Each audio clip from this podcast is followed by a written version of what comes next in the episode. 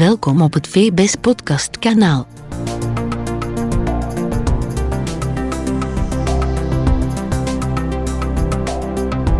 Voordracht professor Dr. Bart Leroy. Deel 2.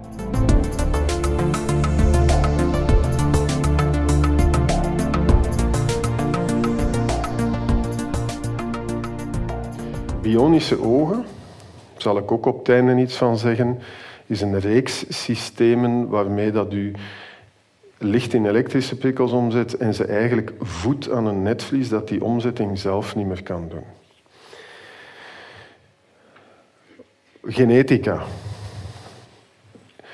Als je mij ziet staan, dan vindt u, de meesten onder jullie zullen toch vinden dat ik een redelijk normaal individu ben. Ehm, en ik ben gebouwd met een hoofd bovenaan en voeten onderaan. En ik heb een arm met vijf vingers, nog altijd gelukkig. En ehm, die, dat bouwplan, dat zit in mijn genen. Wij vinden ons eigenlijk wel echt normaal, hè? Maar ik denk dat een marsmanneke zou zeggen, what the hell? dus eh, wij zouden dat van hem ook zeggen waarschijnlijk. Dus bouwplannen, als je nu bijvoorbeeld een vos dat is eigenlijk een raar beest, hè? maar die heeft ook een bouwplan. Een konijn ook, een goudvis ook. En dus eigenlijk is dat fascinerend. Ik, ik heb ook genetica gedaan. Ik heb twee erkenningen, geneticus en oogarts. En dus genetica heb ik altijd ook super boeiend gevonden. Dat is ook moeilijk, hè? dus dat houdt u bezig. Kijk dan niet naar andere vrouwen als je daarmee bezig bent. Um, en de genen, 20.338 denken we nu, komen er van mijn mama. En iets minder, omdat ik een man ben. Ik ga daar niet op in, maar er is inderdaad een seksenverschil. Iets minder van mijn papa. Maar een vrouw bijvoorbeeld heeft 20.338 genen van mams en dezelfde hoeveelheid van paps. Nu, dat bouwplan in twee keer 20.000 genen, laat ons zeggen, eh, dat is fascinerend. We kennen daar ook niet alles van, zeker niet. Um, maar dat maakt mij. En ik weet wat, ik zit vol fouten. En jullie ook. Maar die fouten, wij noemen dat negatief fouten. In this day and age van Donald Trump is iedereen negatief. Uh, ik wil positief zijn. Hè? Dus je kunt zeggen een fout is een fout, oké, goed, maar changes, veranderingen in genetisch materiaal, die leiden ook tot aanpassing.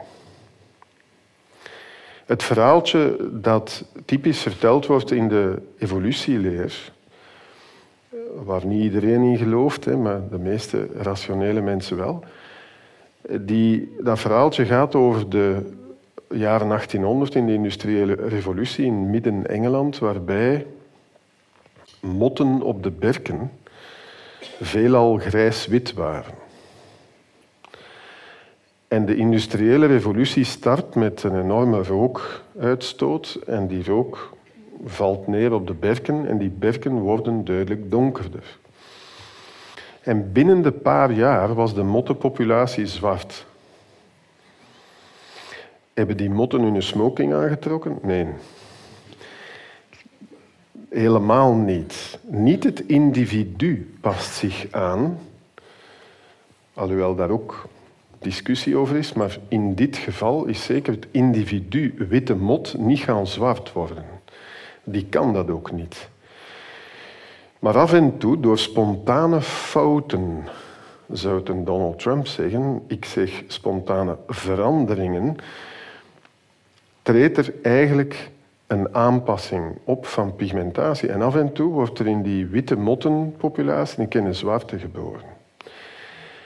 En al die witte motten die worden opgegeten door de vogels, want die zijn seriously goed contrast met die zwarte bomen nu. En die worden allemaal opgegeten en degenen die overblijven zijn de zwarte en die maken kindjes. En dus hun kinderen worden ook zwart. Versta je? Dus de populatie past zich aan door foutjes. En dus ik zit ook vol fouten, jullie ook. Maar af en toe geeft een fout ook ziekte. En dus u moet dat filosofisch bekijken als de natuur u iets aandoet. Ja, goed, inderdaad, ik wens geen enkele handicap te relativeren. Daar zijn ernstige handicaps, zodat je dagelijks mee geconfronteerd wordt, waardoor je deelname aan de maatschappij iets moeilijker zult vinden. Maar hey, look on the bright side. Hè? Dus er is altijd een enorm grote plaats voor talent.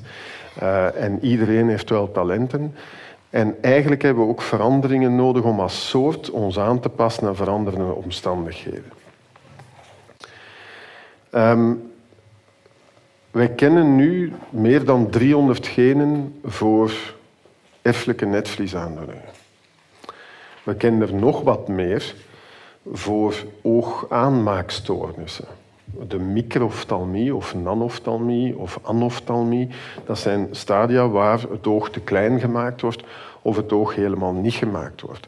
En daar is ook een genetische basis voor. Nu, ik wil u gewoon ook even met deze slide, en ik doe dat dus ook met oogartsen, herinneren dat ik over twee verschillende aandoeningen ga spreken, van, beschreven door Theodor Leber. Theodor Leber, dat was een briljante Duitse oogarts, die ook in de jaren 1800 vier ziekten beschreven heeft. En die vier ziekten, daar zijn er twee van die genetisch zijn en die zijn totaal verschillend. Maar als je spreekt over de ziekte van Leber, moet je verschrikkelijk opletten over wat heb het nu eigenlijk. Het is dat dat ik u even wil voor waarschuwen. Ik spreek aan de ene kant straks over Leber congenitale amorose. Dat is een mooi stel woorden, maar wat betekent dat? Leber aangeboren netvliesblindheid. Wat is dat? Dat is een ziekte waarbij dat van de geboorte uw staven en kegels niet of nauwelijks licht in elektriek omzetten. Dat is LCA. Lebercongenitale amarose is niet één ziekte. Op dit ogenblik 24 genen. En we hebben ze nog altijd niet allemaal verklaard. Dus we zijn nog aan het zoeken naar meer genen. Dat zijn dus allemaal aandoeningen die uw netvlies niet in staat maken om goed te zien van bij de geboorte. En aan de andere kant, bovenaan op mijn slide, heb ik hier Leber hereditaire optische neuropathie vernoemd. Eigenlijk is uw oogzenuw, uw nervus opticus, dat is een bundeling van de uitlopers van de binnenste netvlieslaag, de ganglioncellen. Ik heb het u daar juist gezegd.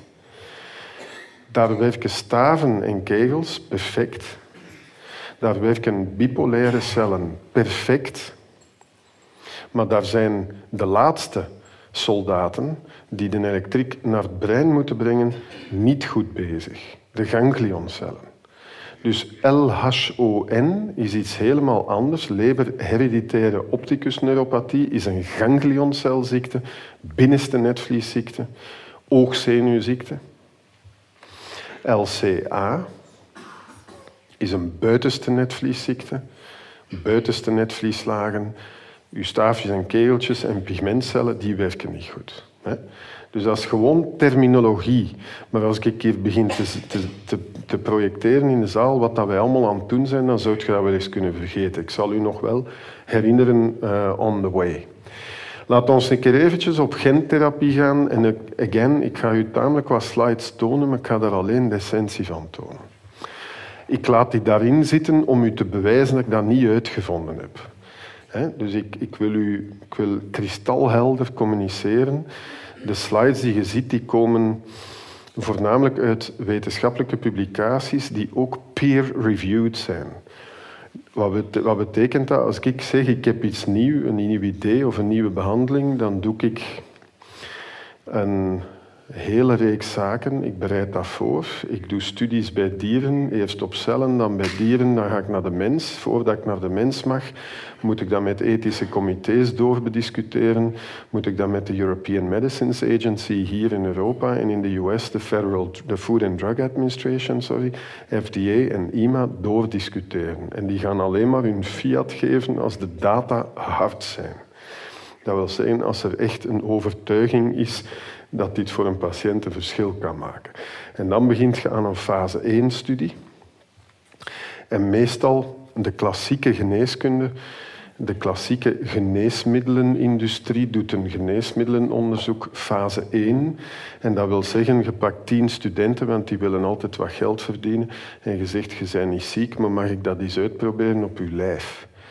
Ik zeg het nu karikaturaal natuurlijk. Dus dat test je de veiligheid bij normale proefpersonen.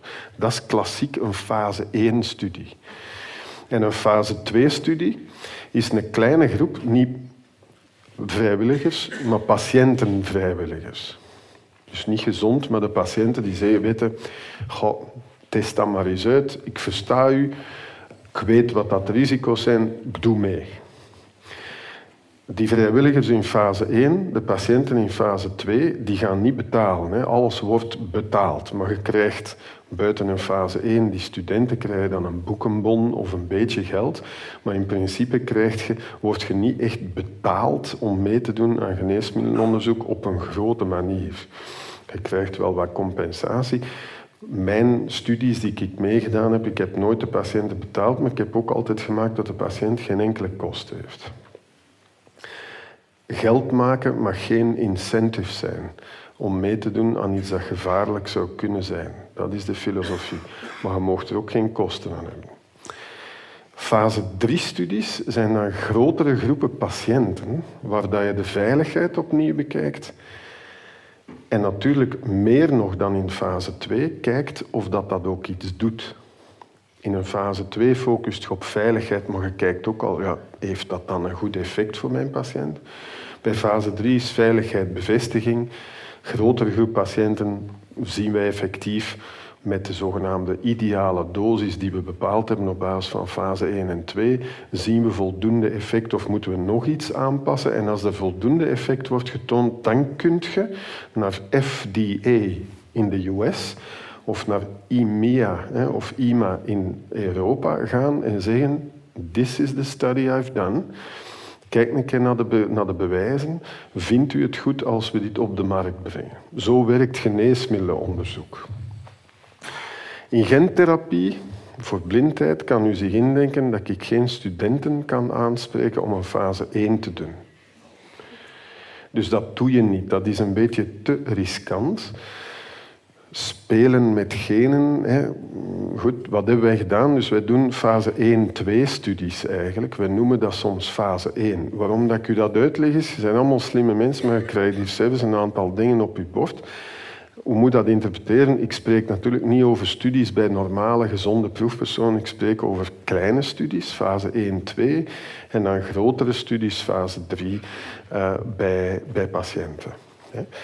Um, we gaan een keer kijken naar gentherapie voor uh, drie uh, aandoeningen. En dan gaan we snel even vermelden wat dat andere aandoeningen inhouden. Um, wat doen wij bij onze genetische therapieën? Wij kunnen verschillende zaken doen. Als de patiënt van de natuur twee kopies van een gen heeft gekregen en die zijn bijvoorbeeld allebei niet goed, dan kan de patiënt geen goed eiwit maken dat belangrijk is voor de goede functie van het netvlies. Je kunt dan gene augmentation therapie doen. Je kunt een virus nemen. Ik heb zo, zoals gehoord een verkoudheid. Die verkoudheidsvirussen die kun je in het labo nemen. Je kunt die manipuleren. Dat wil zeggen, je genen eruit halen. En virussen, dat zijn eigenlijk maanlandertjes. Dat zijn geen cellen maanlandertjes die op een cel landen en hun genetisch materiaal in de cel injecteren. En zo heeft dit adenovirus mij geïnfecteerd in mijn binnenbekleding van mijn luchtwegen. En dus op het ogenblik dat mijn immuunsysteem zegt, ja maar hey, het is genoeg geweest, gaan die virussen aangevallen worden en genees ik. Zo werkt dat. Nu, die virussen, die dus geen cellen zijn. Dat is het verschil. Daarom werken antibiotica niet tegen virussen. Virussen die kunnen wel gebruiken als FedEx-camionnetjes om te zeggen, allez, hier, zijn, hier is de lading, een goed gen, de patiënt heeft er twee slechte, breng dan een keer naar de cel die dat gen nodig heeft. Als uw netvlies niet goed werkt, dan is dat omdat de gen dat in je netvlies gebruikt wordt niet goed werkt of niet werkt. En dus als je daar in je netvlies een nieuwe kopie, deze keer een goede kopie, wij kunnen genen maken in het labo, dat is geen probleem.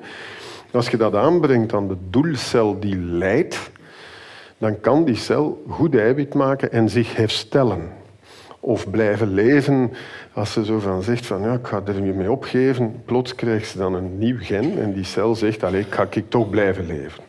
Dat is gene augmentation, genvermeerderings, gentherapie. Dat is de echte gentherapie. Een virus gebruiken om een gen aan te brengen aan een doelcel.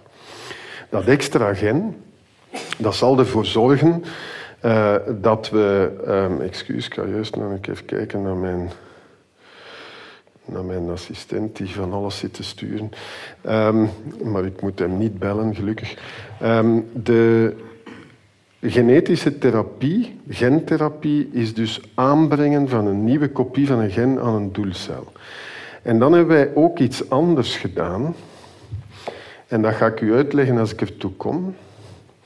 Waarbij dat we in principe zeggen, we gaan de vertaling van een gen naar een eiwit, de code naar het, het receptje, naar het gerechtje, beïnvloeden, corrigeren. En dat is iets anders. Dat is ook een genetische therapie. Maar die twee dingen ga ik aanhalen. Goed, virussen, ik heb daarover gesproken. Waarom kunnen wij nu in de oogziekte zeggen dat we een beetje voorzitten op andere collega's met gentherapie, met genetische therapieën? Wel, wij hebben een klein orgaan. We kunnen erin kijken en we kunnen er aan. Dat is niet zo voor de lever bijvoorbeeld. Of voor een darm. Je kunt daar wel aan met een scope, maar dat is allemaal iets minder gemakkelijk dan gewoon in een oog kijken. Dus daarom zitten we wat voor. Ook, of hebben we wat privileges, hebben we chance eigenlijk voor ons patiënten. Daarnaast ook is uw oog goed afgesloten. Goed afgesloten van als je een oog een product inspuit, dan gaat dat niet zomaar volledig in de bloedbaan terechtkomen en daar een wilde reactie uitlokken van je immuunsysteem. Heel wat van wat je in je oog doet, blijft lokaal.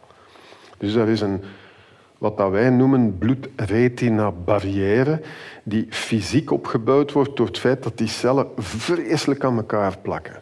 Dat er daar niets tussen de cellen van het oog kan verdwijnen naar de bloedbaan en algemeen in uw lijf komen. Dat doet het wel, maar veel minder dan als je bijvoorbeeld in de lever iets doet of in uw longen. Dus wij zijn zo wat immuun geprivilegeerd met ons orgaan.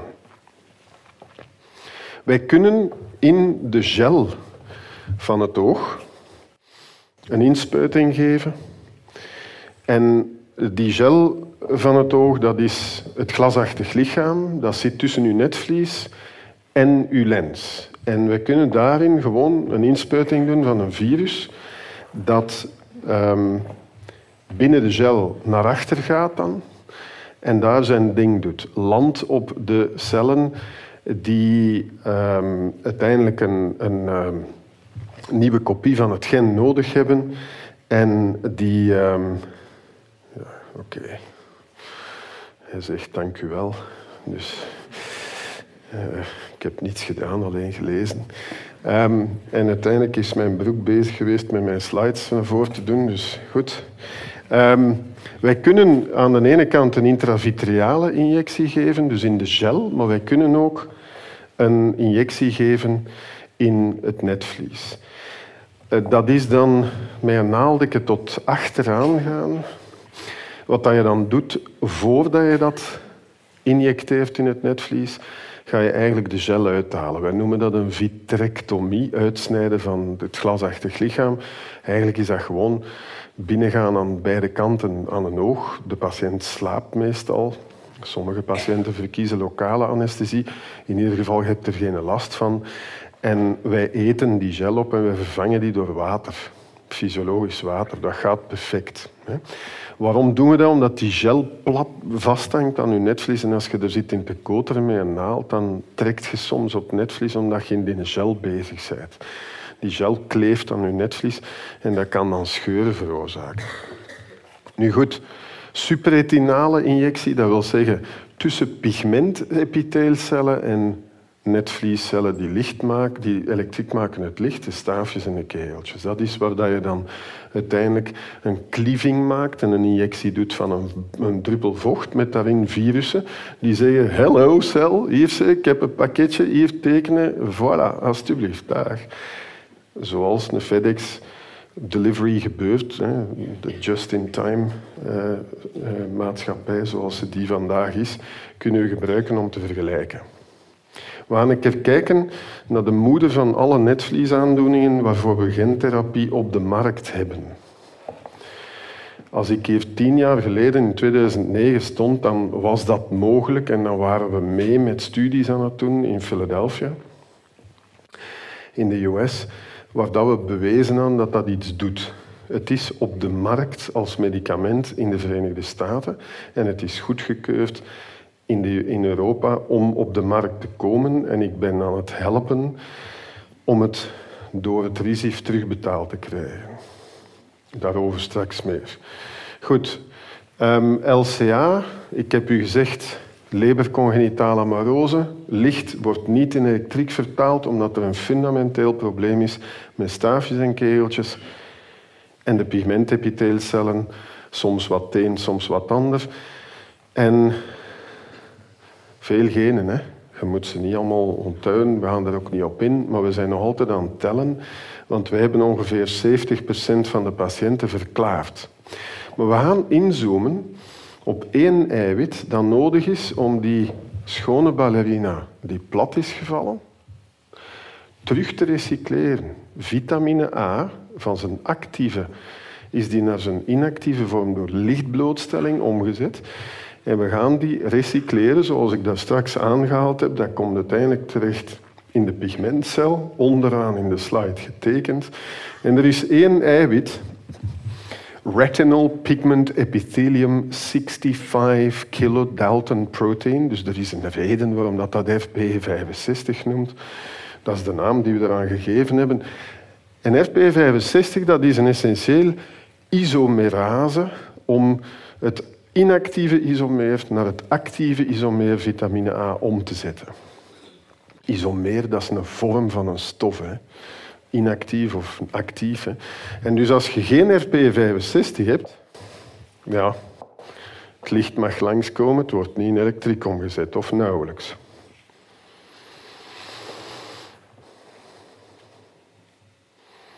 Wat hebben wij gedaan? In 1997 is een van mijn beste vrienden, die spijtig genoeg vorig jaar overleden is, ehm, de persoon geweest die het gen RP65 heeft ontdekt. Dat is lang geleden al. Hè? En dat heeft geduurd tot 2017, tegen dat we in FDA, Food and Drug Administration USA, een overtuiging hebben kunnen doen van de autoriteiten. Laat ons dat op de markt brengen, gentherapie voor dat gen. Dat is 20 jaar. Hè? Daarom toon ik u dat. Dus al die details die erop staan zijn niet belangrijk. Wat hebben wij gedaan?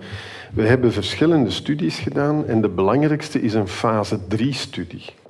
We hebben fase 1 studies gedaan, fase 1, 2 studies ook. Hè. Daar heb ik aan deelgenomen. Ik heb deelgenomen aan een fase 3 studie. Dat was een studie Philadelphia, Napels, Gent. En wat hebben wij bewezen? Wij hebben bewezen dat de patiënten een verbetering hadden van hun visuele functie. En ik ben bewust zo vaag. Ik ga u tonen wat.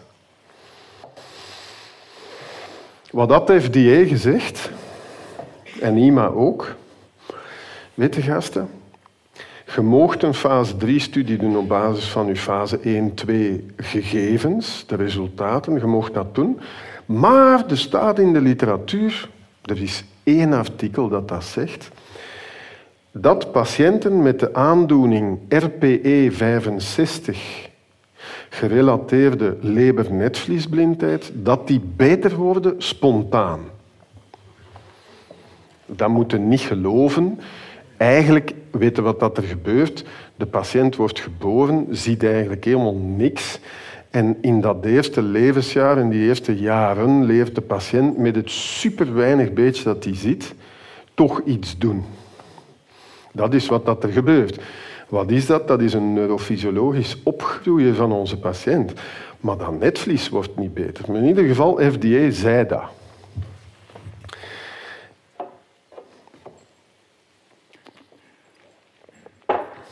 Mijn stembanden geraken droog.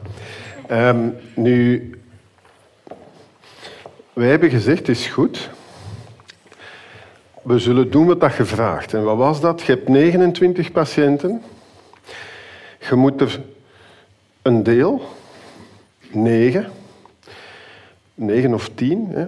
ik herinner me het exact detail niet, 9 of 10 moet je wachten met behandelen. Een jaar. En die andere mogen behandelen. En dan, degenen die niet behandeld zijn en die een jaar gewacht hebben, als je dan die toch kunt behandelen, dan gaan we zien dat die ook effectief verbeteren. We wisten natuurlijk al lang dat die mensen ook gingen verbeteren en we vonden dat spijtig dat wij voor vrij beperkte gegevens in de literatuur mensen moesten laten wachten. Maar goed, het was dat of niet. Hè. Wij zijn gebonden aan regels in Amerika en in de EU. Gelukkig maar, het is niet uh, zo vrij dat wij kunnen doen wat we willen. En wat dat wij merken, en wat dat wij hadden gemerkt in fase 1, dat was het volgende. Yannick, de naam kan ik zeggen, want hij stond in de pers in de jaren 2000, die in de fase 1 had meegedaan. Yannick die zei tegen zijn mama als hij wegvloog na behandeling in één oog uit Philadelphia met een avondvlucht. Mama, met mijn behandeltoog, drie weken tevoren, zie ik de stadslichten van Philadelphia en met mijn andere oog zie ik die niet. En up close zegt hem, mama, hij hebt blauwe ogen. Ik dacht dat de iris, het regenboogvlies, dat dat de pupil was, dat het zwart gat volledig was. En mijn andere jongen, niet genoemd in de pers, daarom anoniem, die zei tegen mij, Bart, ik kan met mijn papa s'avonds op straat lopen zonder hulp en ik kan het zebrapad zien. Maar als wij hun zicht maten, dus hun best corrected visual acuity, was dat niet zoveel beter. Dat was eigenlijk met één techniek van interpreteren statistisch significant verbeterd, maar met een andere techniek, er zijn er twee die bestaan voor slechtziende mensen, de andere techniek was dan niet statistisch significant verbeterd bij iedereen. Bij sommigen een beetje, bij anderen duidelijk, maar bij anderen helemaal niet. Dus dat was niet wat dat wij mee konden naar FDA en IMA gaan en zeggen, zie eens wat dat we gedaan hebben. Andere studies in oogziekte die focussen enorm op best gecorrigeerd zicht. Maar hier zaten we met een dilemma. Wij, wij doen dus ongelooflijke verbetering van lichtgevoeligheid van dat netvlies. Dat zijn mensen die hier nu staan zonder behandeling en die gewoon geen fluit zien. Niets. Ook mij niet zouden zien staan met dit beperkte licht. Maar na behandeling wel. Hoe drukte dat uit? Hoe maakt je daar een wetenschappelijk argument voor? Van. Hè? Dat was ons dilemma. Dus wat hebben wij gedaan? Wij moesten opkomen met endpoints, met meetbare uitkomstmaten. Want als je naar FDA, naar IMA gaat, dan moet je daar zeggen van wat heb je nu gedaan? Wat heb je nu gemeten? En als je dat gemeten hebt voor de behandeling, is het dan beter als je het meet na de behandeling. Dus wij zaten met een dilemma, eerlijk waar. Wat hebben wij gedaan? We hebben een parcours uitgedacht. Dat bestond niet. En wij noemen dat de Multi-Luminance Mobility Test. Multiluminantie-mobiliteitstest. In normale mensentaal gemaakt een soort van uh, mazennetwerk waardoor de patiënt moet navigeren en gemaakt dat daar zeven, wij hebben er zeven gepakt, zeven verschillende lichtintensiteiten zijn in die gecontroleerde zaal. Je kunt dat doen. Hè. Spots installeren met een dimmer en meten objectief met een zeer goede lichtmeter. Meet je hoeveel licht is er nu in de zaal aanwezig ter hoogte van de route die de patiënt moet lopen. En wij hebben twaalf verschillende vormen van de route gemaakt, zodanig dat de patiënten die vaak snugger zijn, uh, dat niet kunnen onthouden. En wij hebben gezegd, hier start je en nu moet het tot ginder geraken. En voor de behandeling liep die mensen overal tegen. Dat lukte absoluut niet. Bij, zeker bij gereduceerd licht. Als je zeer veel licht gaf, dan zipte die erdoor.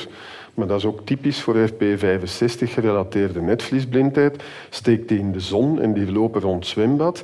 Neemt die mee naar het restaurant s'avonds en die, die zien geen fluit. Dus wij wisten dat en wij hebben dat duidelijk gemaakt. En dan zijn we gaan meten. We hebben dus een score gegeven aan hoe patiënten door een netwerk, een mazennetwerk, gingen. Wij hebben dat objectief gemaakt. We hebben daar een objectieve observator die met ons niks te maken had. Die keek naar de video's. Die persoon wist ook niet behandeld of niet behandeld. En die gaven scores volgens vooraf vastgelegde regels met FDA en IMA doorgediscuteerd. Maar dus dat is een nieuwe uitkomstmaat. Hoe gaat de patiënt bij verschillende lichtintensiteiten bewegen door een mazennetwerk? Je moet een keer een FDA en een IMA overtuigen om zo'n nieuwe uitkomstmaat te gebruiken als bewijs dat iets werkt. Dus ik kan u zeggen, wij hebben zwarte sneeuw gezien, maar we zijn erin geslaagd. En het komieke is dat een tamelijk conservatieve organisaties, FDA en IMA, nu zeggen wij stimuleren onderzoekers om op te komen met nieuwe uitkomstmaten. De reden is omdat wij dit gedaan hebben. Opnieuw, never give up. Never ever give up. Always go. Dus dat is voor de jonge mensen een grote les. Niet afgeven, doordoen, gewoon doordoen. Als je weet dat je juist bezig bent en correct bent, moet je niet afgeven. Het is niet omdat een aantal mensen via protocolletjes werken, dat je die mensen uiteindelijk met goede gegevens niet kunt overtuigen dat een ander protocol ook waardevol is. Nu, wat dat je hier ziet, en ik kan daar doorlopen, want dat zijn data die gepubliceerd zijn um, in The Lancet, even, een van de leidende tijdschriften. Um, wat dat je eigenlijk ziet is een score op de y-as. Op de x-as zie je tijd uh, van dag 0 tot uh, jaar 2.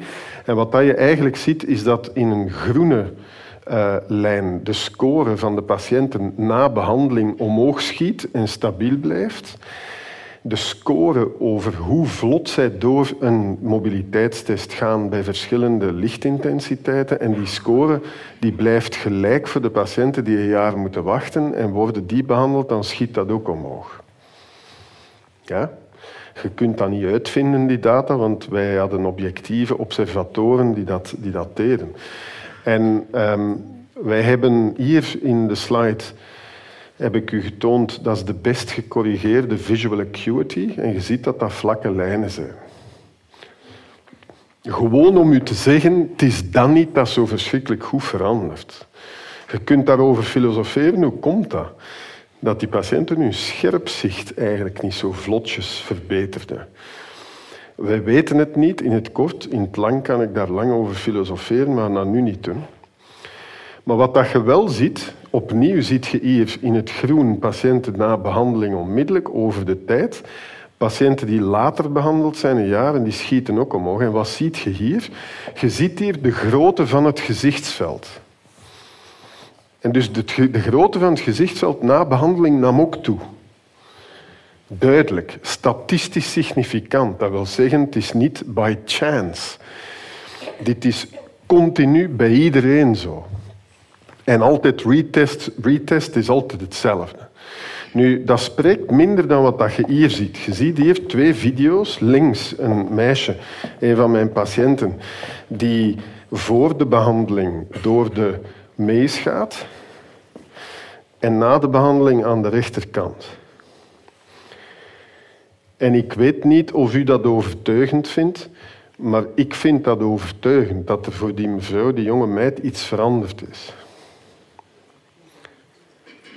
En wat dat je ziet voor de mensen die het niet kunnen zien, is dat ze dus al lang gedaan heeft na de behandeling, terwijl ze nog bezig is in de video voor de behandeling. En eigenlijk faalt ze. Ze moet tegengehouden worden, want ze loopt overal tegen eigenlijk. En ze weet eigenlijk niet goed waar dat ze gaat. Het is een slimme meid, maar ze, ze weet eigenlijk visueel niet goed waar zit ik hier. En er zijn mensen, ook oogartsen, die zeggen, ja, getoond je die video's, maar wat betekent dat? Ik denk dat ik harde data getoond heb. En zelfs die video's tonen nu eigenlijk... Ik kan gelijk welk van die patiënten nemen. Dus ik heb nu de die genomen. Maar ik kan gelijk welke patiënt... Als je al die video's wilt zien, kan ik nog een keer terugkomen. Maar je zult waarschijnlijk in slaap vallen. Dus we gaan dat niet doen. Um, nu, safety... Uh, wat gebeurt er? Wij doen iets in een oog en er zijn dus ook mensen die cataract ontwikkelen. Troebeling van de lens. Daar groeit geen velken voor, hè, voor de lens of zo. Uw bomma zegt dat meestal, maar dat is niet correct. Dat is prietpraat. Lenzen die troebel worden, dat is cataract. Hè. En als je in een oog zit te koteren, dan gaat de ontsteking uitlokken en ontsteking zorgt voor cataract. Dus wij hebben cataracten gehad en wij hebben die behandeld. We hebben ook drukproblemen gehad, we hebben die behandeld. Maar hé, hey, dat weten wij. Wij hebben dan nog zinnen bij patiënten en we kunnen dat ook wel aan als oogartsen om dat te behandelen. Um, wat hebben we daar geconcludeerd? Ik heb u één ding niet besproken, maar we hebben een andere techniek die zeer goed correleert, dat wil zeggen overeenkomt met de resultaten van de navigatietijd door de maze, door de obstakelroute. En dat is de Full Field Sensitivity Test. Ik ga u dat niet uitleggen. Dat is eigenlijk een test waarbij dat je de patiënt zeer weinig licht toont. Ietske meer, ietske meer, ietske meer, ietske meer. En telkens vraagt, ziet je het of ziet je het niet? En dus die lichtgevoeligheid was ook op die test significant toegenomen. Dat is een test die super vlot verloopt, die we niet in standaard onderzoeken gebruiken, maar dat is stilletjes aan aan het moven naar de kliniek, omdat dat eigenlijk zo gemakkelijk te doen is voor de patiënt en eigenlijk relatief snel gaat. Je ziet hier um, Food and Drug Administration USA. Um, met een paar patiënten sta hier. Ik ben 23 uur naar de Verenigde Staten geweest uh, in, op 12 oktober 2017 om FDA mee te gaan overtuigen om dat goed te keuren als een, bekende erkende medicatie. Dit is een beeld van de zaal waar dat dan een panel van 16 superexperten de data-analyse uh, deden en ons ondervroegen van ja, wat heb je dan gedaan en we vinden dat niet goed en waarom heb je het zo gedaan enzovoort enzovoort. Dus je moet daar eigenlijk een examen afleggen